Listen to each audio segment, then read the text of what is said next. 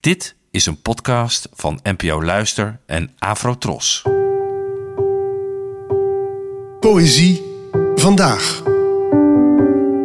Met Ellen Dekwits.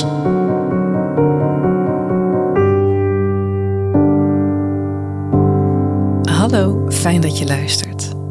Het titeloze gedicht van vandaag werd geschreven door de Nederlandse dichter Mustafa Stitu, geboren in 1974.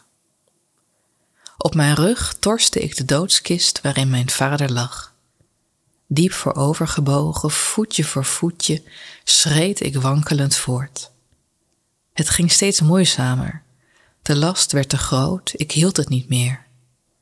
Voorzichtig liet ik mij neerzakken op de grond, lang uit, schoof onder de kist vandaan, lichtte het deksel op en fluisterde zonder aarzeling: Vader, ik kan je niet dragen, het spijt me.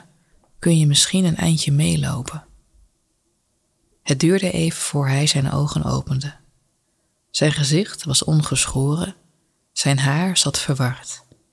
Hij droeg een lange witte onderbroek en een wit hemd. Toen zuchtte hij en schudde zijn hoofd, spottend medelijdend, zoals altijd. Hij richtte zich op, stapte uit de kist, bewoog zich voort met kalme tred. Ik liep achter hem aan. Ook ik zei niets. De kist bleef achter, midden op het pad. We kwamen aan bij het graf. Het was al gedolven.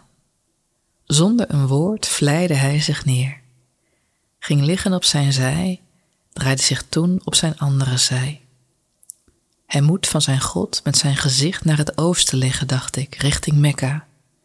Gelukkig vraagt hij me niet waar het oosten is, want ik weet het niet.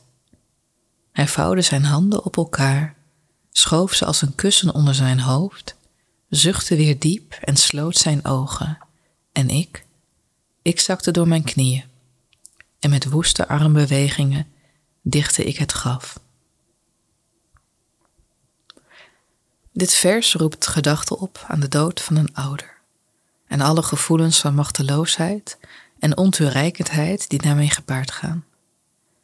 Eens las ik dit gedicht voor aan een klas met veel jongeren van Marokkaanse komaf, die er allemaal diep van onder de indruk waren. En vooral het feit dat de ik in dit vers niet weet waar het oosten is, de richting waarin een moslim moet worden begraven, zorgde voor zuchten van herkenning. Maar ook bij jongeren met een andere achtergrond sloeg dit aan. De angst bijvoorbeeld dat je letterlijk niet sterk genoeg bent om het overlijden van een vader te torsen. De angst om een teleurstelling te zijn geweest. De diepe zucht van de vader klinkt in dit gedicht als een afwijzing, evenals het sluiten van diens ogen. En dat het kind met woeste armbewegingen het graf dicht, zegt verder genoeg. Woede is hier een vorm van onmacht. En zo wordt er geprobeerd dicht te gooien wat eigenlijk niet te dempen valt. Bedankt voor het luisteren en tot de volgende keer. Afro Tros, de omroep voor ons. Ja,